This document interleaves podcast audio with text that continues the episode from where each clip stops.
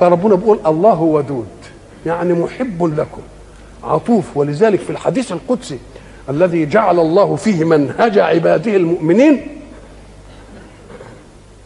يقول الله عز وجل يا ابن آدم لا تخافن من ذي سلطان. ما دام سلطاني باقيا. وسلطاني لا ينفد أبدا. يا ابن آدم لا تخشى من ضيق الرزق. وخزائني ملآنة وخزائني لا تنفد أبدا. يا ابن آدم خلقتك للعبادة فلا تلعب. وضمنت لك رزقك فلا تتعب. اوعى تفتكر تتعب يعني بجوارحك تتعب بقلبك وتنشغل به انت الجوارح تعمل والقلوب تتوكل.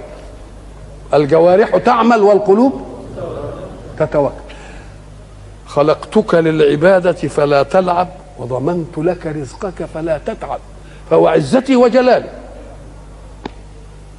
إن رضيت بما قسمته لك أرحت قلبك وبدنك. وكنت عندي محمودا. وإن أنت لم ترض بما قسمته لك فوعزتي وجلالي.